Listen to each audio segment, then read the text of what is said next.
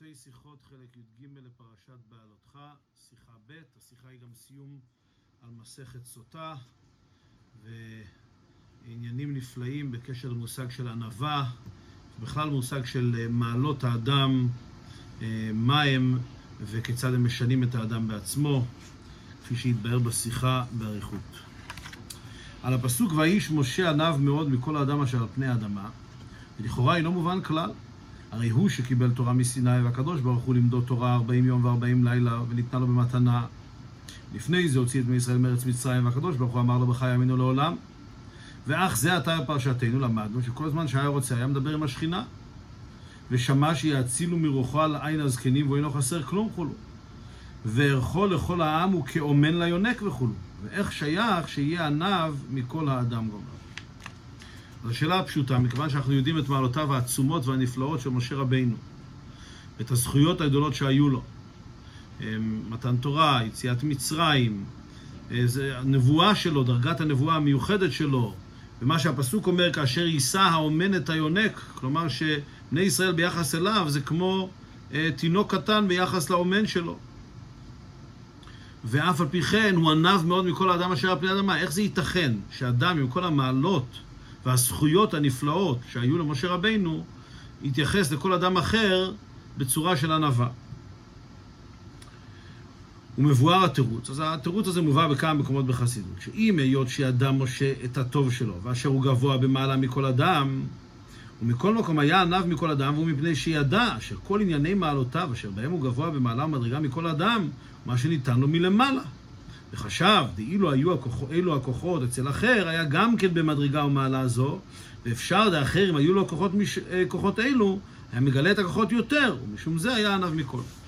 אז התירוץ הוא, שאומנם משה רבינו ידע את זכויותיו ומעלותיו הרבות, אבל הוא הסתכל על זה בצורה כזאת, שזה לא דבר שקשה שלו, זה לא, הוא לא ניכס את זה לעצמו, זו מתנה שניתנה לו מלמעלה.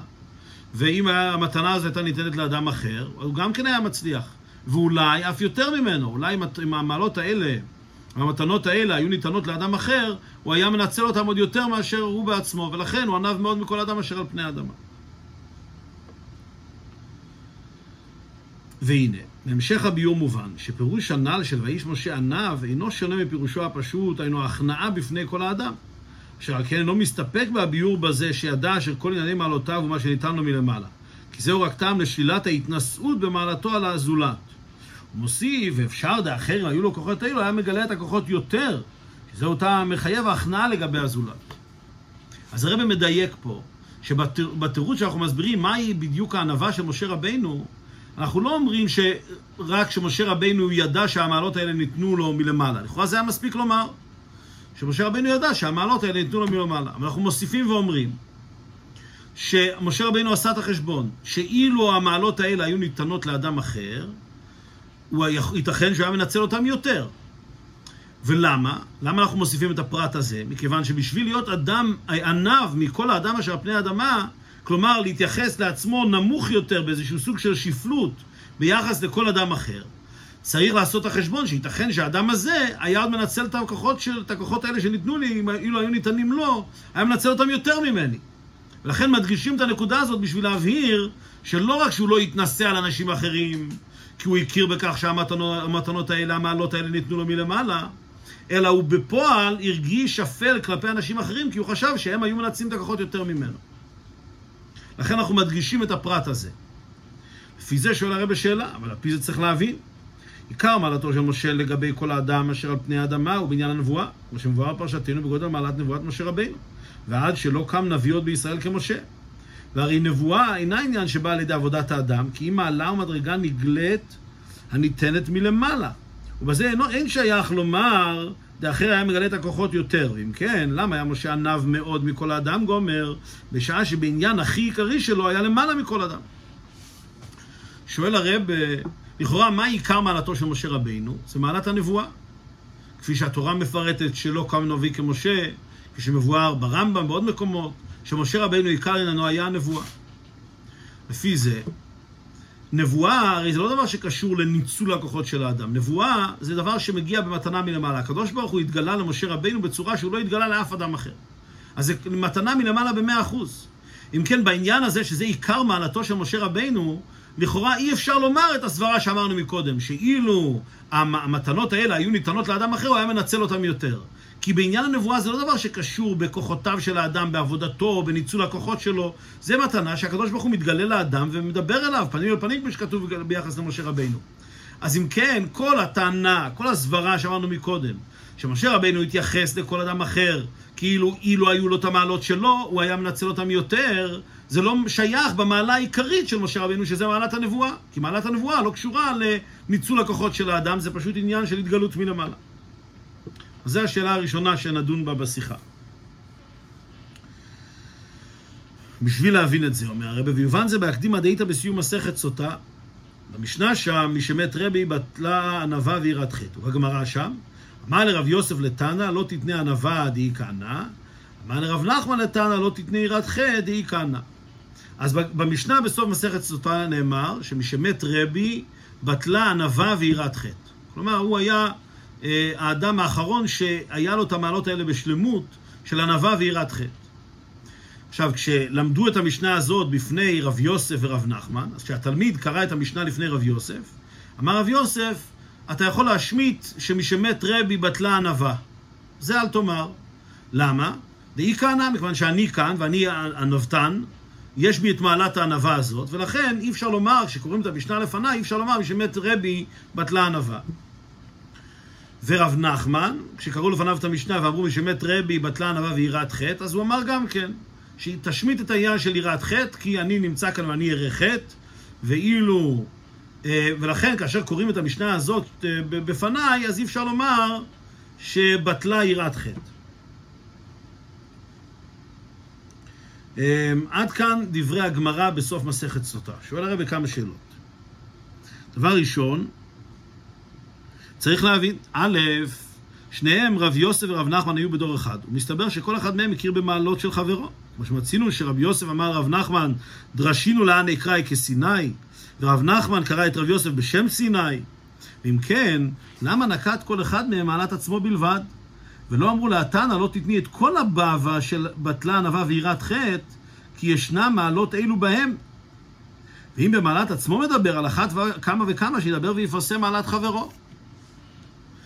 שואל הרבה, לכאורה, הרי שניהם, רב יוסף ורב נחמן, אה, חיו באותו דור. וכל אחד מהם ידע גם את המעלות של רעהו. אז אם כן, מכיוון שכשם שהוא יודע את המעלה שלו, שהוא, לדוגמה, רב יוסף, יודע את המעלה שלו שהוא ענב, ולכן הוא אומר לתנא, אתה לא יכול לקרוא בטלה ענווה, מכיוון שאני יודע שאני קיים ואני ענב, למה הוא לא מכיר גם במעלתו של רב נחמן שהוא ירא חטא? והיה אומר לו, אל תתני ענווה ואל תתני יראת חטא. אני, מכיוון שאני כאן, אז לא, לא תאמר ענווה, ומכיוון שרב נחמן חי כיום, אל תאמר יראת חטא.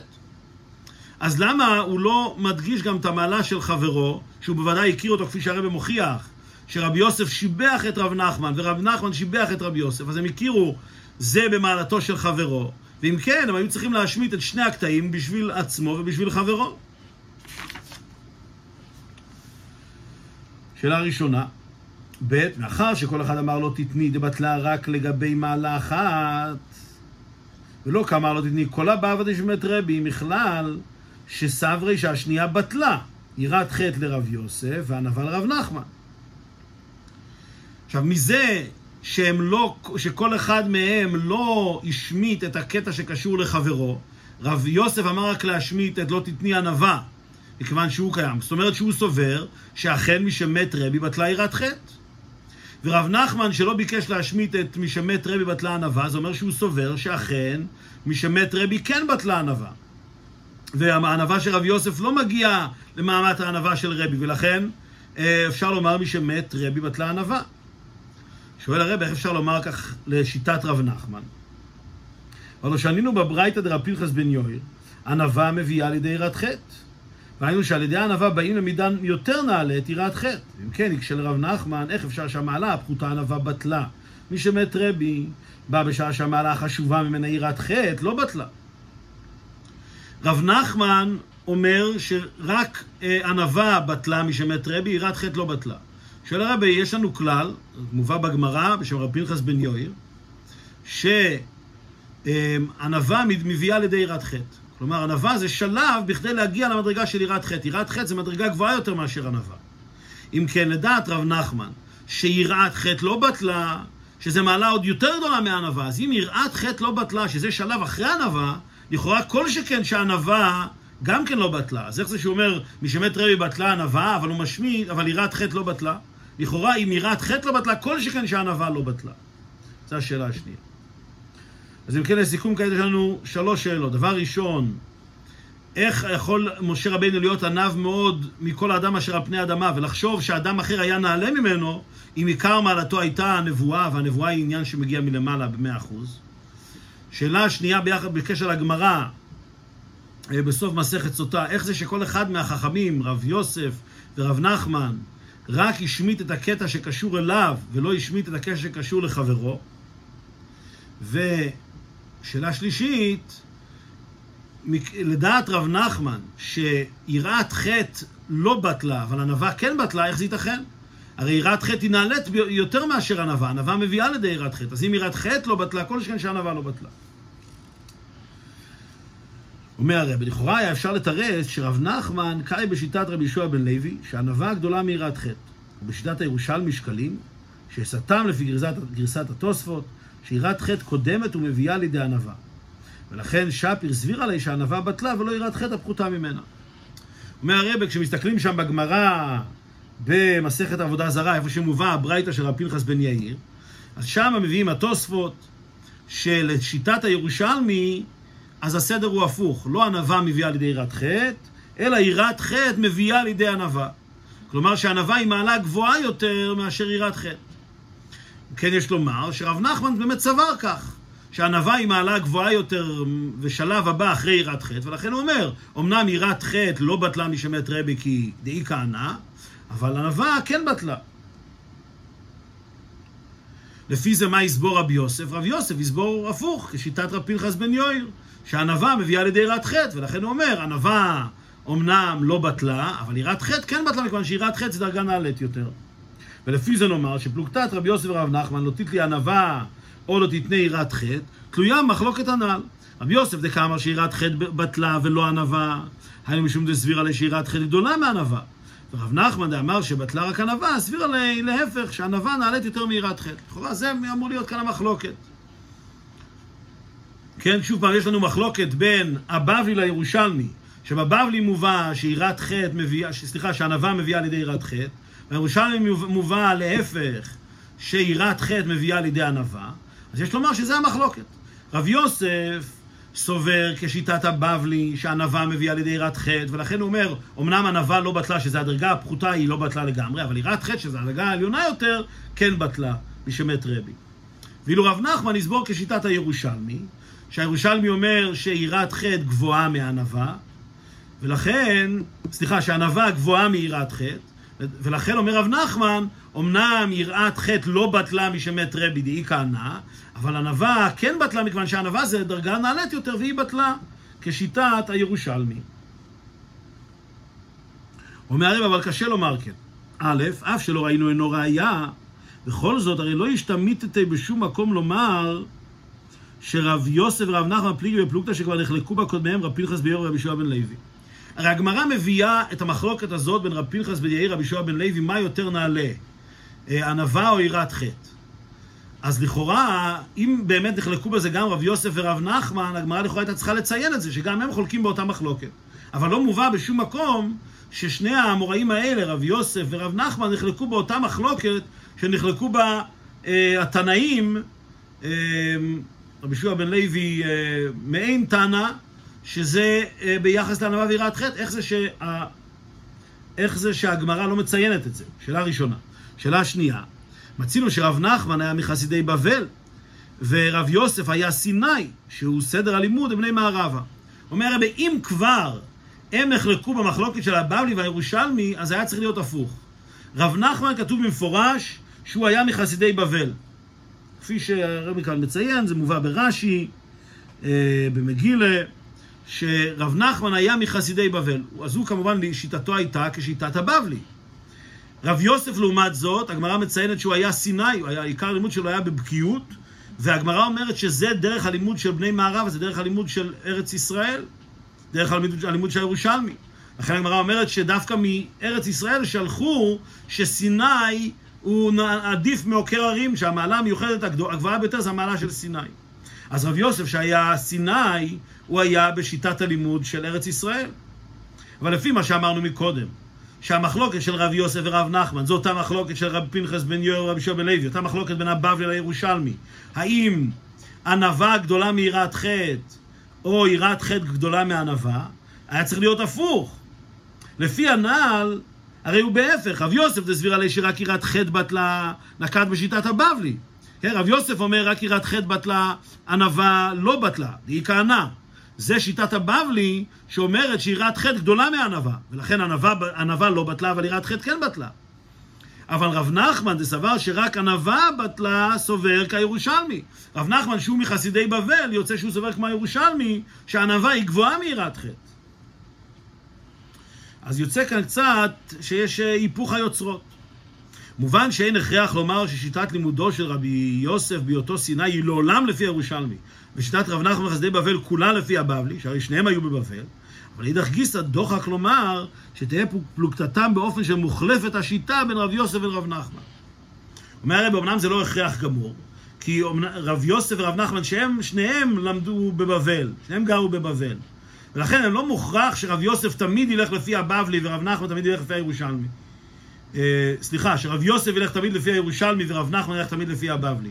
זה לא מוכרח, כי שניהם היו בבבל, ולכן לפעמים השיטות יכולות להיות מוחלפות. אבל עדיין דוחק לומר שזה בדיוק יהיה המחלוקת שלהם.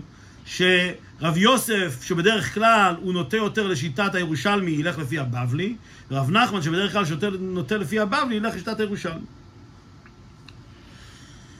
אז אם כן, התירוץ הזה הוא לא תירוץ מושלם. ממשיך הרב, ויובן זה בהקדים הקושייה הידועה במאמר רב יוסף, לא תתני ענווה דאי כהנא.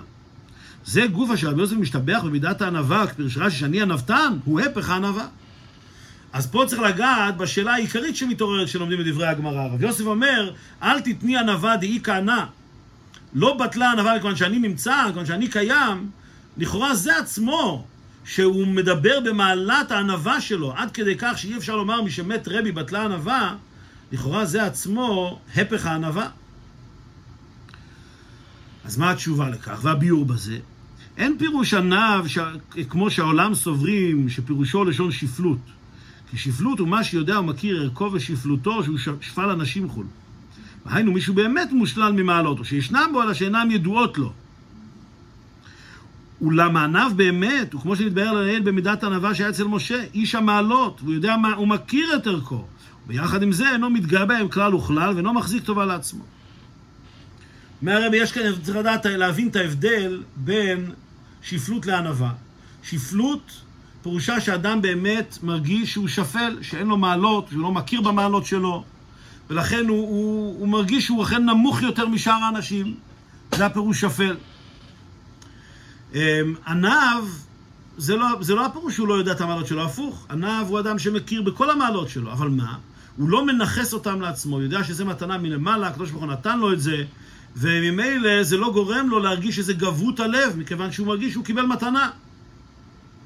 כפי שהוסבר מקודם. ולכן, זה שרב יוסף אומר שהוא ענוותן, אין בזה בכלל הפך הענווה, הוא בסך הכל מכיר במציאות שיש לו את מידת הענווה, ושהוא לא מחזיק שום טובה לעצמו על כך שהוא יתברך במעלה הזאת. כפי שהרב מסביר, והטעם הוא, כמו שהתבהר לעיל, סימן א', סעיף א', ושיודע הוא שהכוחות והחושים הנעלים שלו, כולם ניתנו לו מהקדוש ברוך הוא. עושה חשבון בנפשו, שאילו היו אלו הכוחות אצל אחר, היה גם כן במדרגה ומעלה זו. ואפשר דאחר, אם היה לו כוחות אלו, היה מגלה את הכוחות יותר. כן, אז כפי שהוזכר מקודם, הוא לא מחזיק שום טובה לעצמו בכך שיש לו את המעלות, אבל הוא לא מתכחש למעלות האלה. ועל דרך זה יש לומר במידת הענווה עצמה, דרב יוסף, שידע מעלת ענוותנותו, בכל זאת לא החזיק טובה לעצמו כולו. ואדרבה, חשב שאילו ניתנו לו כוחותיו וכישרונותיו לאחר, אפשר ועלה היה מגיע לבחינת ענווה שהיא למעלה מזו שישנה בו. אז זה הפירוש בענווה של רב יוסף, הוא אכן היה ענב, וזה שהוא הכיר במעלת הענווה שלו, זה בכלל לא גורע מהענווה שלו, מכיוון שהוא לא החזיק שום טובה לעצמו בכך שהיה לו את מידת הענווה, הוא ראה את זה כמתנה מלמעלה. וזהו גם מה שקרי רב יוסף הנפשי ורב תבואות בכוח שור. אומר הרב, רואים את זה גם בעוד דברים שאמר רב יוסף. לדוגמה, רב יוסף אמר על עצמו, ורב תבואות בכוח שור. הגמרא שם מביאה שרב יוסף היה בקיא במשניות ובהלכות אה, בכמות גדולה מאוד. הוא אמר על עצמו, ורב תבואות בכוח שור. שהוא, בכוח השור שבו, יוסף הוא בחינת שור, ולכן אה, יש לו את המעלה הזאת של ידיעת כל ההלכות וכל המשניות.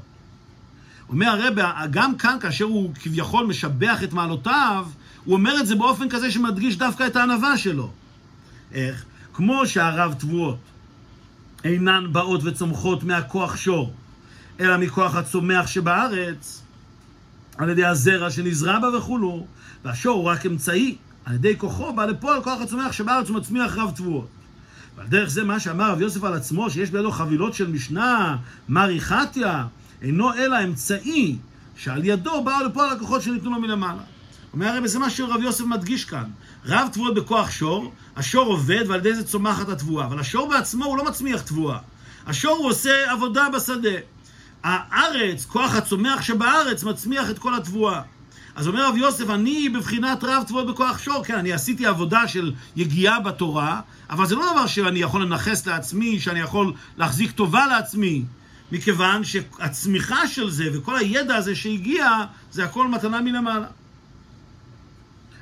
זאת אומרת, הקדוש ברוך הוא נתן לו כוחות מיוחדות לעמול בתורה ולזכור את דברי התורה שהוא לומד וכולי, ולכן הוא רואה את זה כמתנה מלמעלה, והוא רק היה איזשהו אמצעי ועבודה שהוא עשה בשביל להגיע למעלה הזאת. אז לכן גם המעלה הזאת של לימוד התורה של רב יוסף זה באופן של ענווה שהוא לא מחזיק טובה לעצמו. אם כן, בזה מובן למה זה שרב יוסף אומר שאני ענוותן, זה לא, אין בזה הפך הענווה. שואל הרבי, אך עדיין אינו מובן. התורה שלמדה הרי מצלה מיצר הרע, שלא יכשילנו לחטא. והרי מעלה זו שהייתה ברב יוסף, אדם שמור מן החטא, לא בא מהכוחות שניתנו לו מלמעלה. שהם רק מאפשרים לאדם להגיע לדרגת סיני, אבל לא שהם העושים שיהיה שמור מן החטא. כי אם מצד עבודתו הוא שלמד ועד שנעשה סיני. אם כן, איך היה רב יוסף עניו בשעה שידע שבכוח עבודתו נתעלה לסוג אדם השמור מן החטא? שואל הרב, אמנם על התורה עצמה שהוא למד, רב יוסף לא החזיק טובה לעצמו, והוא יכול עדיין להיות עניו מכל האדם, כי הוא אומר, זה כוחות שניתנו לי מלמעלה, אמנם אני למדתי, אבל זה שיש לי את כל הידע הזה וכולי, זה מתנה שניתנה לי מלמעלה. היכולת לעמול, היכולת לזכור, היכולת לדעת, זה הכל מתנה מלמעלה. לכן הלימוד התורה עצמו לא החזיק טובה. אבל לכאורה יש דבר נוסף, שאדם על ידי לימוד התורה שלו, הוא מתעלה לדרגה שהוא אדם השמור מן החטא. התורה לכאורה משנה את האדם, הופכת אותו לאדם כזה שהתורה מגינה עליו מן החטא, כפי שכתוב בחז"ל בכמה מקומות. ואם כן, אומר הרב, אמנם התורה עצמה שהוא למד, הוא ראה את זה כמתנה מלמעלה. אבל העובדה שכתוצאה מזה הוא הפך להיות אדם השמור מן החטא, עכשיו הוא התעלה לסוג אחר של בן אדם, לאדם נעלה שהוא שמור מן החטא, זה הרי הגיע כתוצאה מהעבודה שלו. אמנם הקדוש ברוך הוא נתן לו את הכוחות, אבל בפועל השמירה מן החטא זה דבר ששינה את המהות שלו בעצם כתוצאה מהעבודה שלו. אז פה קשה כבר להגיד, אילו היה, היו ניתנים הכוחות האלה לאדם אחר, הוא היה מנצל אותם יותר. למה? אז מוסיף הרבה, שהרי אין אומרים שצריך להיות עניו מכל הבהמה, כי אילו, ניתנו, אילו ניתנו לכוחות אלו, היה, הייתה מגלה את הכוחות יותר. אומר הרב, אי אפשר לומר אדם כזה, שהוא אדם שהוא בדרגה שון, אחרת לגמרי, שהוא התעלה והשתנה לאדם אחר לגמרי מאדם רגיל, הוא לא יכול לבוא, כתוצאה מהעבודה שלו, כתוצאה מהיגיעה שלו, הוא לא יכול לבוא ולהגיד שאילו היו ניתנים הכוחות האלה לאדם אחר, הוא היה מנצל אותם יותר. למה? מכיוון שבפועל ממש אתה עכשיו סוג אחר של בן אדם. אז אתה לא יכול לבוא ולהגיד, אילו הוא היה גם סוג אחר של בן אדם, או אילו היו ניתנים כוחות, הוא גם היה הופך להיות סוג אחר של בן אדם. ופה ממש אתה כעת בדרגה אחרת לגמרי ממנו. מכיוון שאתה סוג שונה של בן אדם, אתה לא יכול להשוות ולומר שאילו היו ניתנים לו הכוחות, הוא היה גם הופך להיות לסוג שונה של בן אדם. כמו שביחס לבהמה, לא נאמר שאדם צריך להיות עניו מכל הבהמה, כי אילו הבהמה היו ניתנים לכוחות של בן אדם, היא הייתה נעלית יותר מן האדם, כי זה לא, זה לא בר השוואה. כעת אני בבחינת אדם וזאת בבחינת בהמה ואין פה מה להשוות ולכן האדם במפורש לא יכול להסתכל בענווה ביחס לבהמה כי הוא הגיע, ל... הוא נמצא במצב כזה שהוא אדם והיא בהמה, שהם שני נבראים שונים לגמרי.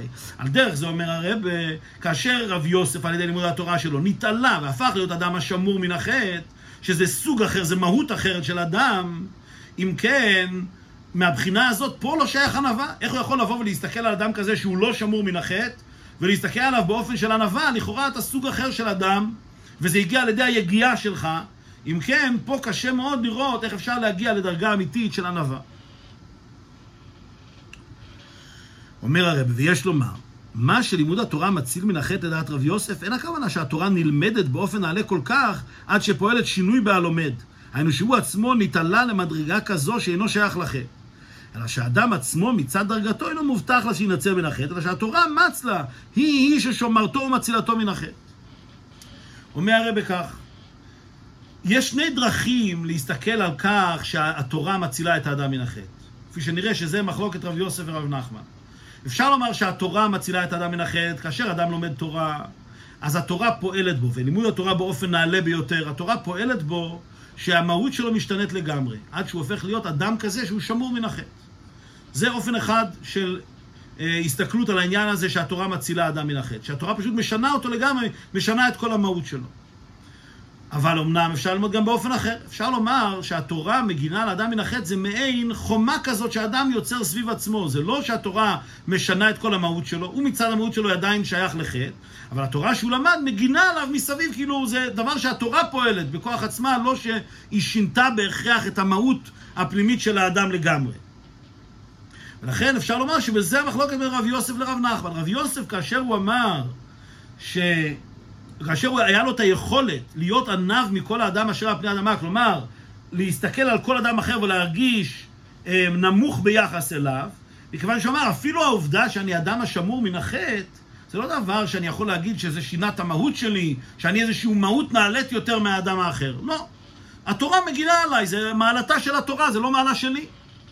ולכן היה בכוחו של רב יוסף שיהיה לו את, את הענווה הזאת, לבוא ולהגיד שאפילו המעלה שיש לי, שזה המעלה של שמור, האדם השמור מן החטא כתוצאה מלימוד התורה, זה לא מעלה שאני מנכס לעצמי, מכיוון שזה דבר חיצוני, זה לא שינה את המהות שלי. אמנם רב נחמן סובר שלימוד התורה משנה את האדם לגמרי, ועל זה שהתורה מצילה מן החטא, מכיוון שהמהות של האדם השתנה. ולכן מכיוון שרב נחמן הכיר במעלתו של רב יוסף, והוא ראה איך שכל המהות שלו השתנתה כתוצאה מלימוד התורה שלו, שהוא הפך להיות אדם השמור מן החטא, אז לדעת רב נחמן זה לא שייך שיהיה כאן ענווה. לא שייך לומר שרב יוסף היה לו ענווה כזאת שהגיעה מכך שהוא לא ראה את המעלה שהוא השתנה לגמרי. מכיוון שלדעת רב נחמן הוא סוג אחר של בן אדם לגמרי. הוא מסתכל על רב יוסף, הוא ראה אדם שהתעלה והשתנה לגמרי לסוג אחר מאדם רגיל. ולכן הוא אמר, לא ייתכן שיהיה כאן מצב של ענווה אמיתית.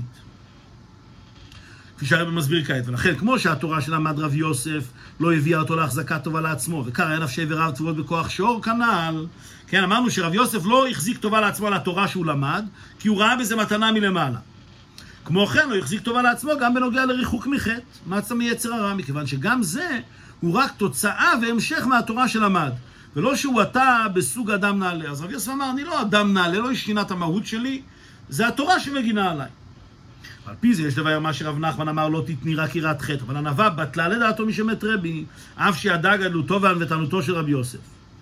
כי רב נחמן פלג על רב יוסף, וסבר שלימוד התורה פועל שינוי באדם הלומדה, עד שאינו שייך לחטא, ובמילא לא היה רב יוסף יכול להיות הנער. כפי שביארנו, לדעת רב נחמן, כאשר הוא הסתכל על רב יוסף, הוא ראה אדם כזה שהוא השתנה והתעלה לגמרי עד שהוא הפך להיות אדם השמור מן החטא. ולכן רב נחמן אמר, פה לא שייך לומר שתהיה לו ענווה בשלמות, ולכן אי אפשר לומר שהענווה לא בטלה. ענווה במפורש כן בטלה, כי לא שייך בימינו אלו, אומר רב נחמן, אדם כזה שיהיה בענווה אמיתית, מכיוון שהוא, אם זה יהודי כמו רב יוסף, הרי הוא יודע את מעלתו, שהוא השתנה לגמרי, ולכן לא שייך שיהיה בו ענווה אמיתית. מוסיף הרבה, ועל דרך זה יש ליישב גם מה שרב יוסף לא אמר לתנא לא תתני יראת חטא, היא כרב נחמן. אז בדומה לזה, אפשר לומר למה רב יוסף, לשיטתו, יראת חטא כן בטלה. רב נחמן, לא היה לו מספיק יראת חטא שנוכל לומר שיראת חטא לא בטלה משמת רבי. למה? אומר הרב, סופר בגמרא, דאימי דרב נחמן בר יצחוק, אמרי לה קלדאי חוזים בכוכבים, בריך גן ואבו. לא שביקתי גילוי רישי, אמרה לקסי רישך. אז הגמרא מספרת שהחוזים בכוכבים אמרו לאמו של רב נחמן, שבנה רב נחמן בר יצחק, שזה רב נחמן שלנו, אמ, הוא גנב בטיבו. אז מה היא עשתה? היא לא נתנה לה ללכת בגילוי הראש, והיא דאגה שהוא תמיד יכסה את ראשו. כי איכא דתביא עליהם הלך אימתא דשמיא. ובאי רחמה. אז היא אמרה לו, תכסה את הראש שלך כל הזמן, שיהיה לך יראת שמיים, ותתפלל, תבקש רחמים, בקש רחמים שלא ישלוט בך יצר הרע. ופעם אחת נפל גלימה מעילוי רישי על מי יצרי. הגמרא מספרת שפעם נפל אה, כיסוי ראשו, ובאמת היצר הרע התגבר עליו, והוא חטא בגניבה. אומר הרב, והנה עניינו מעלתו של ירא חטא, אינו בזה שאינו עובר עבירה בפועל. שזה יכול להיות מפני יראת העונש, מפני מורא רבו, בשר ודם וכיוצא בזה. כי אם שירא מפני החטא, ירא מידה שבלב, לעבור על רצון השם וכו'. מה שאין כן היראה של רב נחמן, כסב רב יוסף, שכיוון שהיא נעשית על ידי כיסוי ראש ותפילה, הרי אין זה עניין של יראת חטא בעצם בליבו ובנפשו. אדרבה, כיסוי ראש צריך להוליד בו בכל פעם מחדש. כנ"ל בגמרא, אימתא דשמיא. וגם אז אינה יראת חטא, כי אפשר שישלוט היצר הרע וצריך להיות באי רחמה. ועל ידי כל זה לא נעשה שינוי בו, שאין נקרא ירא חטא, כי אם רק שניצל מעשיית החטא. ועל דרך שיטת רבי יוסף הנ"ל, פעולת התורה שמצלה מעשיית החטא. אומר הרי באותו רעיון זה המחלוקת בין רבי יוסף לרב נחמן, האם רב נחמן היה ירא חטא או לא. כי כפי שלמדנו את הגמרא, אומרת שרב נחמן מצד טבעו לא היה ירא חטא, הוא היה אמור להיות גנב. רק מה, על ידי זה שהוא כיסה את ראשו והתפלל וכולי, הוא פעל בעצמו איזשהו סוג של יראת חטא. אומר רבי, גם כאן יש שני אופנים להסתכל על זה. היראת חטא שכמו של רב נחמן. האם זה יראת חטא כזאת, שהיא משנה את האדם לגמרי, שהיא הופכת אותו לירא חטא? אדם כזה שמכסה את ראשו ומתפלל לקדוש ברוך הוא שיהיה לו יראת שמיים, אז ייתכן שהמהות שלו תשתנה והוא יהפוך להיות אדם שהוא ירא חטא, או שעדיין המהות שלו היא חסר בו יראת חטא, אין לו יראת חטא בשלמות, אבל על ידי הפעולה של כיסוי הראש והתפילה, זה פועל בו אימתא דשמיא, זה פועל בו איזושהי יראת חטא כל הזמן. אבל זה דבר חיצוני, זה לא שהמהות שלו השתנתה בעצם. ולכן, כשם שרב יוסף סבר את זה לגבי השמירה מן החטא, שעל ידי לימוד התורה האדם נהיה שמור מן החטא, סובר רב יוסף שזה דבר חיצוני. ולכן הוא לא מחזיק טיבות על נפשי, הוא לא מחזיק בזה מעלה, מעלה שלו, הוא יכול להיות ענב מכל האדם. כמו שאמרנו שרב יוסף אומר מי שמת, של, מי שמת רבי לא בטלה ענווה מכיוון שיש לו ענווה. מהי הענווה? שאפילו השמירה מן החטא שיש לו, זה לא דבר שהוא מנכס לעצמו, מכיוון שזה דבר חיצוני. אז כשם שרב יוסף סובר את זה ביחס לעצמו, שהשמירה מן החטא שלו זה דבר חיצוני, אותו סברה יש לו גם ביחס לרב נחמן. זה שרב נחמן יורה חטא, זה דבר חיצוני שהגיע לו כתוצאה מכיסוי הראש, כפי שהגמרא מספרת. אבל רב נחמן, כשם שהוא סובר לגבי רב יוסף, שהשמירה מן החטא זה דבר ששינה את כל המהות שלו, ולכן הוא לא יכול להיות ענוותן אמיתי, הוא סובר גם ביחס לעצמו, שהיראת חטא שלו זה דבר ששינה את המהות שלו באופן אמיתי, ולכן הוא באמת כן נחשב ירא חטא. ולכן הוא אומר, מי שבית רבי אי אפשר לומר שבטלה יראת חטא, מכיוון שהוא נחשב ירא חטא. יוצא כאן באופן נפלא שרב יוסף ורב נחמן לשיטתם, רב יוסף רואה את המעלות האלה כמעלות חיצוניות, ולכן הוא אומר, לגבי ענווה הוא יכול להיות ענב, כי זה לא מעלה שלו, ואי אפשר לומר שרב נחמן הוא ירא חטא, מכיוון שזה לא מעלה אמיתית שלו שהוא ירא חטא, זה רק עניין חיצוני. לעומת זאת רב נחמן, בשני המקרים מסתכל על הפעולה של השמירה מן החטא ויראת החטא בתור דבר שמשנה את המהות של האדם, ולכן רב יוסף הוא אכן אדם נעלה יותר מאנשים אחרים כתוצאה מהשמירה מן החטא, ולכן הוא לא יכול להיות עניו לגמרי בתכלית. וביחס אליו הוא אומר שיראת החטא שינתה את המהות שלו לגמרי, ולכן הוא יכול לומר על עצמו שהוא ירא חטא אמיתי, ואי אפשר לומר שמבית שמת רבי בטלה יראת חטא. עכשיו הרבי יראה לנו איך שבסוגיה אחרת לגמרי, שנראית לגמרי מנותקת ולא קשורה, יש לנו מחלוקת בין רב יוסף לרב נחמן, שבמידה רבה היא נוגעת ב- לא- לאותו, לאותו יסוד. מקור ודוגמה להסברה הנ"ל, שרב יוסף ורב נחמן פליגי עם לימוד התורה ועל דרך זה כיסוי הראש ותפילה פועל שינוי באדם, שלא יהיה שייך לחטא, או שרק מונע ומציל מפעולה, מציל ממסכת ברכות. יש לנו בגמרא בברכות, גם כן, האם, האם פעולה של דבר מסוים היא משנה את כל המהות שלו, או שזה רק עניין חיצוני. אז רואים את זה אפילו ביחס לדבר מאוד מאוד טכני וחיצוני. יש לנו דין, אסור לקרוא קריאת שמע כנגד מי רגליים עד שיטיל לתוכן מים. וכמה יטיל לתוכן מים? פלוגתא דרב נחמן ורב יוסף פירוש הברייתא. רב נחמן סובר שבאם הכלי יש בה כבר מי רגליים, הוא בא להטיל לתוכן מים, אז לדעת רבי יוחנן רב זכאי צריך להטיל לתוכם רביעית. אבל בתחילה, שקדמו המים למי רגליים, מתבטלים הם במים כלשהם. כי ראשון ראשון שנופל לתוך המים מתבטל. אז המחלוקת היא כזאת. אסור לקרוא קריאת שמע לפני מי רגליים. מה עושים אם יש מי רגליים? צריך להטיל לתוכם רביעית מים. אבל פה יש מחלוקת. זה שצריך להטיל לתוכם רביעית מים, זה רק אם היה כאן קודם מי רגליים, ואז צריך להוסיף להם רביעית מים, ואז אה, זה מתבטל במים. אבל אם קודם היה שם כבר מים, אז אזי לא צריך רביעית מים. אפילו אם היה קצת מים, אבל מכיוון שהמים קדמו, אז המי רגליים מתבטלים כבר אפילו בכמות מים קטנה יותר. אה, זה נקרא כמה כמה בטיל, כשהמי רגליים נכנסים למים הם כבר בטלים מיד כשהם נכנסים אה, בכמות קטנה מאוד, ולכן הם בטלים לגמרי. אז רב נחמן סובר שאם היה כבר מים בכלי, אז, אז באמת לא צריך רביעית מים, אפילו כמות קטנה יותר מספיקה. ואילו רב יוסף סובר שלא, אפילו אם המים הגיעו בתחילה, עדיין צריך שיהיה רביעית מים. רב יוסף סובר אשר רב זכאי גם בתחילה צריך לרביעית מים. ואביד עובדא אמר לרב יוסף לשמי הייתי לי רביעיתא דמאיה כרב זכאי אפילו בהתחלה. הרב אומרת שאכן ככה רב יוסף התנהג. הוא ביקש קודם שיהיה רביעית מים, ורק אז יכולים המי רגליים להתבטל בתוכם. לכאורה שמחלוקת שבכלל לא קשורה, אומר הרבי, יש כאן את אותו מהות בעניין הזה. מה בעצם מהות המחלוקת כאן?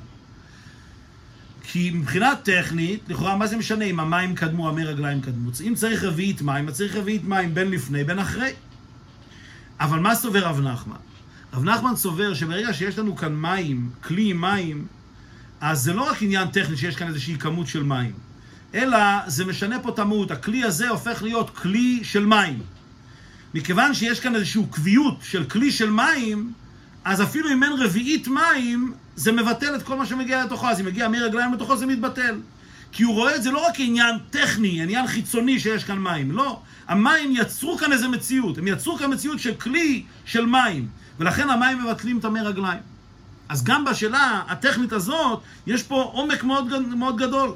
שהרעיון כאן הוא שכאשר יש לנו כלי שיש בו מים, יש כאן מהות חדשה, יש כאן איזושהי קביעות, מציאות של כלי של מים, ולכן הוא מבטל את המי שבאים. מה שאין כן אם קודם היו מי רגליים, אין לנו כאן איזושהי מהות של כלי מים, ולכן צריך כמות כזאת של רביעית בשביל לבטל את המי רגליים. זה הסברה של רב נחמן. ואילו רב יוסף אומר, לא, זה שיש כלי מים זה לא יוצר כאן איזושהי מהות חדשה, זה מציאות פשוט שיש כלי מים. מכיוון שיש כאן מציאות של כלי מים, אז צריך שיהיה רביעית מים בשביל לבטל את המי רגליים. נראה את זה במילים של הרבה. ויש לומר שפלוגתת רב נחמן ורב יוסף, אם בתחילה צריך לרביעית מים לבטל את המי רגליים, היא פלוגתא כללית באופן הבעלות והפעולה של טהרה וקדושה במקום בו נמצאות. איך בכלל, איך המים שהם מבטאים סוג של טהרה, איך הם פועלים? אם האיכות לבד פועלת וקונה את המקום, שיטת רב נחמן, דמים טהורים אפילו כלשהם, קונים המקום ונעשים קבוע בו, ולכן כמה כמה באתי בהם. רב נחמן סובר שאם יש לנו כלי שיש בו אפילו מעט מי, מים, המים יצרו כאן איזושהי מציאות של כלי של מים, מצאו, יצרו מציאות של טהרה, ולכן המי רגליים התבטלו בהם, כי יש כאן איזושהי מציאות של טהרה שכבר קבועה ועומדת, יש כאן מהות חדשה. מה שאין כשבאים למקום מרגליים, כשבאים למקום מרגליים, כאשר מביאים את המים למקום שכבר נמצאים בו מרגליים, צריך להיות ביטול על ידי כמות, שיעור רביעית. כן, לפי רב נחמן, אם באמת קדמו המי רגליים, אז פה כבר לא יעזור, אין כאן איזה מהות חדשה, איזה מציאות של אה, טהרה של מים, ולכן צריך שיהיה כמות גדולה, כמות של רביעית. מה שאין כן לדעת רב יוסף. רב יוסף אומר לו, אין כאן איזושהי מציאות חדשה שנפעלה. אומר הרב, זה בעצם אותה שאלה ביחס, אותו מחלוקת ביחס לענווה ויראת חטא. שוב פעם, רב נחמן אומר, אם רב יוסף הוא שמור מן החטא על ידי לימוד התורה שלו, זה שינה כאן את המהות, יש כאן איזה מהות חדשה של אדם חדש, מצ... מהות חדשה של יהודי, ולכן לא שייך שיהיה לו ענווה אמיתית. וזה שהוא שמור מן החטא על ידי הכיסוי ראש שלו וכולי, הוא, הוא הופך להיות יראי חטא, יש כאן מציאות של יראת, של יראת חטא, זה לא רק איזשהו עניין טכני שהוא ירא חטא, לא, זה שינה את כל המציאות של הדבר. בדיוק בדומה לכך שהמים שנמצאים בכלי יצרו כאן מציאות, מהות חדשה של טהרה. מה שנקרא רב יוסף אומר לו, יש כאן עניין טכני. זה שאני ניצלתי מן החטא על ידי לימוד התורה, אומר רב יוסף, זה עניין טכני, זה לא איזושהי מעלה מיוחדת ששינתה את המהות שלי. גם היראת חטא של רב נחמן זה לא דבר ששינה את המהות שלו לגמרי, זה רק דבר שמציל אותו מבחוץ. וגם זה שיש לנו מים בתוך כלי, זה לא יוצר כאן איזושהי מציאות חדשה, זה לא משנה את המהות של הכלי לאיזשהו מקום טהור, איזו מציאות של טהרה, אלא זה עניין פשוט של מציאות שהמים אה, נמצאים כאן. ולכן אין בכוחם לבטל טמא רגליים. ועל דרך זה גם בנידון דידן, ההצלה מן החטא הבא מלימוד התורה ומכיסוי הראש והתפילה, לפי שיטת רב נחמן, לימוד התורה וכולו נקבע באדם הלומד, עושה בו שינוי, עושה האדם מקום תורה וכמה כמה באתי. שהרי דרכו של יצר הרע היום אומר לו כך הוא לא, וכשזה בטל אינו בא לידי הפך דירת חטא. מה שאין כן שיטת רב יוסף, הרי זה רק שהתורה מצ, מצ לה מעשיית החטא. אומר הרי באותו עניין, בעניין של יראת חטא, יש לנו בדיוק את אותו רעיון. שלשיטת רב נחמן, זה שהוא ירא חטא על ידי כיסוי הראש שלו, יצר כאן איזושהי מציאות של יראת חטא. ולכן אפילו כשהעץ הרע מנסה לטפטף לתוכו כל מיני עניינים של חטא, כמה כמה באתי, זה תמיד מתבטל, ו... כי יש כאן מציאות כבר של יראת חטא. ולכן הוא יכול להסתכל על עצמו ולהגיד שהוא ירא חטא, כי המהות כאן השתנתה על ידי היראת חטא שהייתה כאן בהתחלה. ואילו רב יוסף אומר לא, היראת חטא זה עניין טכני, אבל זה לא שינה כאן את המהות של הדבר. אוקיי? לפי זה אנחנו יכולים להבין את uh, עומק מחלוקתם של רב יוסף ורב נחמן. ועל פי זה צריך להבין, לדעת רב נחמן שהתורה פועלת שינוי באדם הלומדה, שאינו שייך לחטא, שזה בא מצד עבודתו. אם כן, איך היה אפשר לרבי להיות עניו? ועל אחת כמה וכמה משה שקיבל תורה מסיני והתורה נקראת על שמו, והלא גם בהם פעלה התורה שינוי וחידוש וכולו. שואל הרבי, אם כן, שלדעת רב נחמן, רב יוסף לא היה יכול להיות ענב אמיתי, מכיוון שהתורה רוממה אותו ושינתה אותו לאדם אחר לגמרי, ולכן הוא לא יכול להיות ענב ביחס לאנשים אחרים. אם כן, איך זה שרבי כן היה ענב? שהרי המשנה אומרת במפורש, מי שמת רבי, בטלה ענבה. וודאי שמשה רבינו היה ענב מכל אדם אשר על פני האדמה. הרי אם שניהם היה את המעלה של לימוד התורה, ולדעת רב נחמן זה משנה את האדם לגמרי, אז איך ייתכן כאן שיש עניין של ענבה? אומר הרבי, אכן הענווה של משה רבינו ושל רבי זה סוג אחר לגמרי של ענווה. ויש לומר הביאור בזה. והנה מבואר בליקוטי תורה במחלוקת רב פנחס ויואב ורב ישוע בן לוי. אם ענווה היא למטה מיראת חטא, או שענווה גדולה מכולם, שכמה ענווה אין. ענווה שמביאה לידי יראת חטא היא מבחינת בינה, וענווה שגדולה מכולם מבחינת הכתר. אז בחסידות בליקוטי תורה מבואר שזה שיש מחלוקת האם ענווה גדולה מיראת חטא או יראת חטא גדולה מענווה, זה מכיוון שיש סוגים שונים של ענווה. יש ענווה שהיא על פי שכל, וזאת, זה נקרא ענווה בבחינת בינה, זה ענווה שהיא נמוכה יותר מיראת חטא. אבל יש ענווה שהיא למעלה מהשכל, שזה ענווה של כתר, מבחינת כתר, שהיא ענווה שהיא למעלה מיראת חטא. מה הפירוש? בסגנון פשוט יותר. ענווה שבבחינת בינה היא ענווה שעל פי חשבון וטעם. כמו שמתבהר ליל, בענווה שהיה אצל משה רבנו ורב יוסף, ומי שחשב שאם היה לזולתו כוחות וחושים שלו, היה מגיע למעלה יותר. והענווה שבבחינת הכתר היא ענווה וביטול בעצם. אומר במה ההבדל? הענווה שהיא נקראת בבחינת בינה, הכוונה היא ענווה שאדם מגיע לה על ידי חשבון, עושה חשבון, שאילו הכוחות שלי היו ניתנים לאדם אחר, הוא היה ענה ממני, ולכן אני מרגיש ענב. וזה ענווה בבחינת בינה. הענווה של בחינת הכתר זה לא מגיע על ידי חשבון. האדם בעצם מהותו, ענווה בעצם, בעצם מהותו הוא אדם שתמיד מרגיש נמוך, הוא תמיד מרגיש בטל. והענווה הזאת לא קשורה לאיזשהו חשבון ואיזשהו היגיון. זה ענווה בבחינת הכתר, זה ענווה שמבטאת את מהותו העצמית של האדם. הוכחה להנ"ל שישנו העניין דענווה בעצם למעלה מהחשבון והשכל, מצינו ענווה לגבי הקדוש ברוך הוא. דאמרו רז"ל, במקום גדולתו של הקדוש ברוך הוא, שם אתה מוצא ענוותנותו. והרי בנוגע לקדוש ברוך הוא, הלא ודאי שאין שייך חשבון חס ושלום. ומזה מוכרח שישנה ענווה כזו שהיא בלי חשבון כלל. ענווה בעצם. ועל דרך מרום וקדוש אשכון ודקה ושפל רוח. דהים היות שלא נמצאת שום מעלה בדקה ושפל רוח לגבי מרום וקדוש, בכל זה רוצה הוא לשכון בדקה ושפל רוח דווקא. אומר בראיה מוכחת שיש מושג של ענווה שהיא לא מגיעה משום חשבון שעל פי שכל, זה העובדה שהחז"ל אומרים לנו שהקדוש ברוך הוא יש בו ענווה. כן? מקום, שאתה מוצא גדולתו של הקדוש ברוך הוא, שם אתה מוצא ענוותנותו. כלומר, הענווה שם היא לא, ודאי לא מגיעה מאיזשהו חשבון שמישהו יכול להיות נעלה יותר ממנו, אלא זה ענווה בעצם.